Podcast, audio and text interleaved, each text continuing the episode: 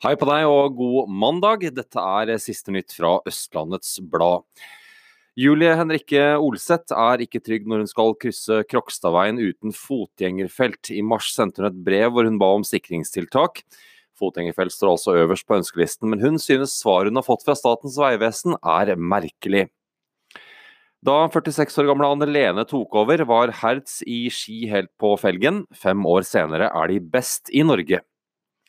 Motorsyklist Erik Hockholt fra Fjellstrand kolliderte med en elg i midtveien på Nesodden i starten av april. Han hadde griseflaks og har utrolig nok ikke en eneste skramme på kroppen. Les den utrolige historien hos oss. Boligmarkedet i Follo steg over dobbelt så mye som resten av landet i mars. Og det er flest råkjørere i vårt eget politidistrikt. Sjekk hvor mange UP tok i sin aksjon i forrige uke. Og du kan også se 30 forslag til hvordan Nedre Torg i Ski kan bli. Arkitektene har kommet med sine bidrag. De kan du studere hos oss på øb.no. Sport.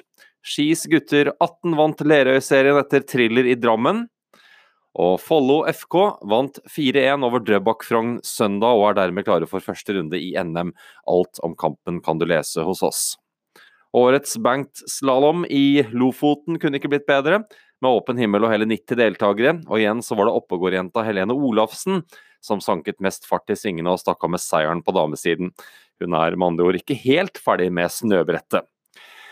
Siste nytt eh, fikk du av meg, Anders Norheim Dahl. Jeg ønsker deg en fabelaktig mandag. Husk å tipse oss om noe skjer på tips. Og dersom du ikke er ØB-abonnent, så koster det akkurat nå bare fem kroner for fem uker for full digital tilgang hos oss. Ha en super dag.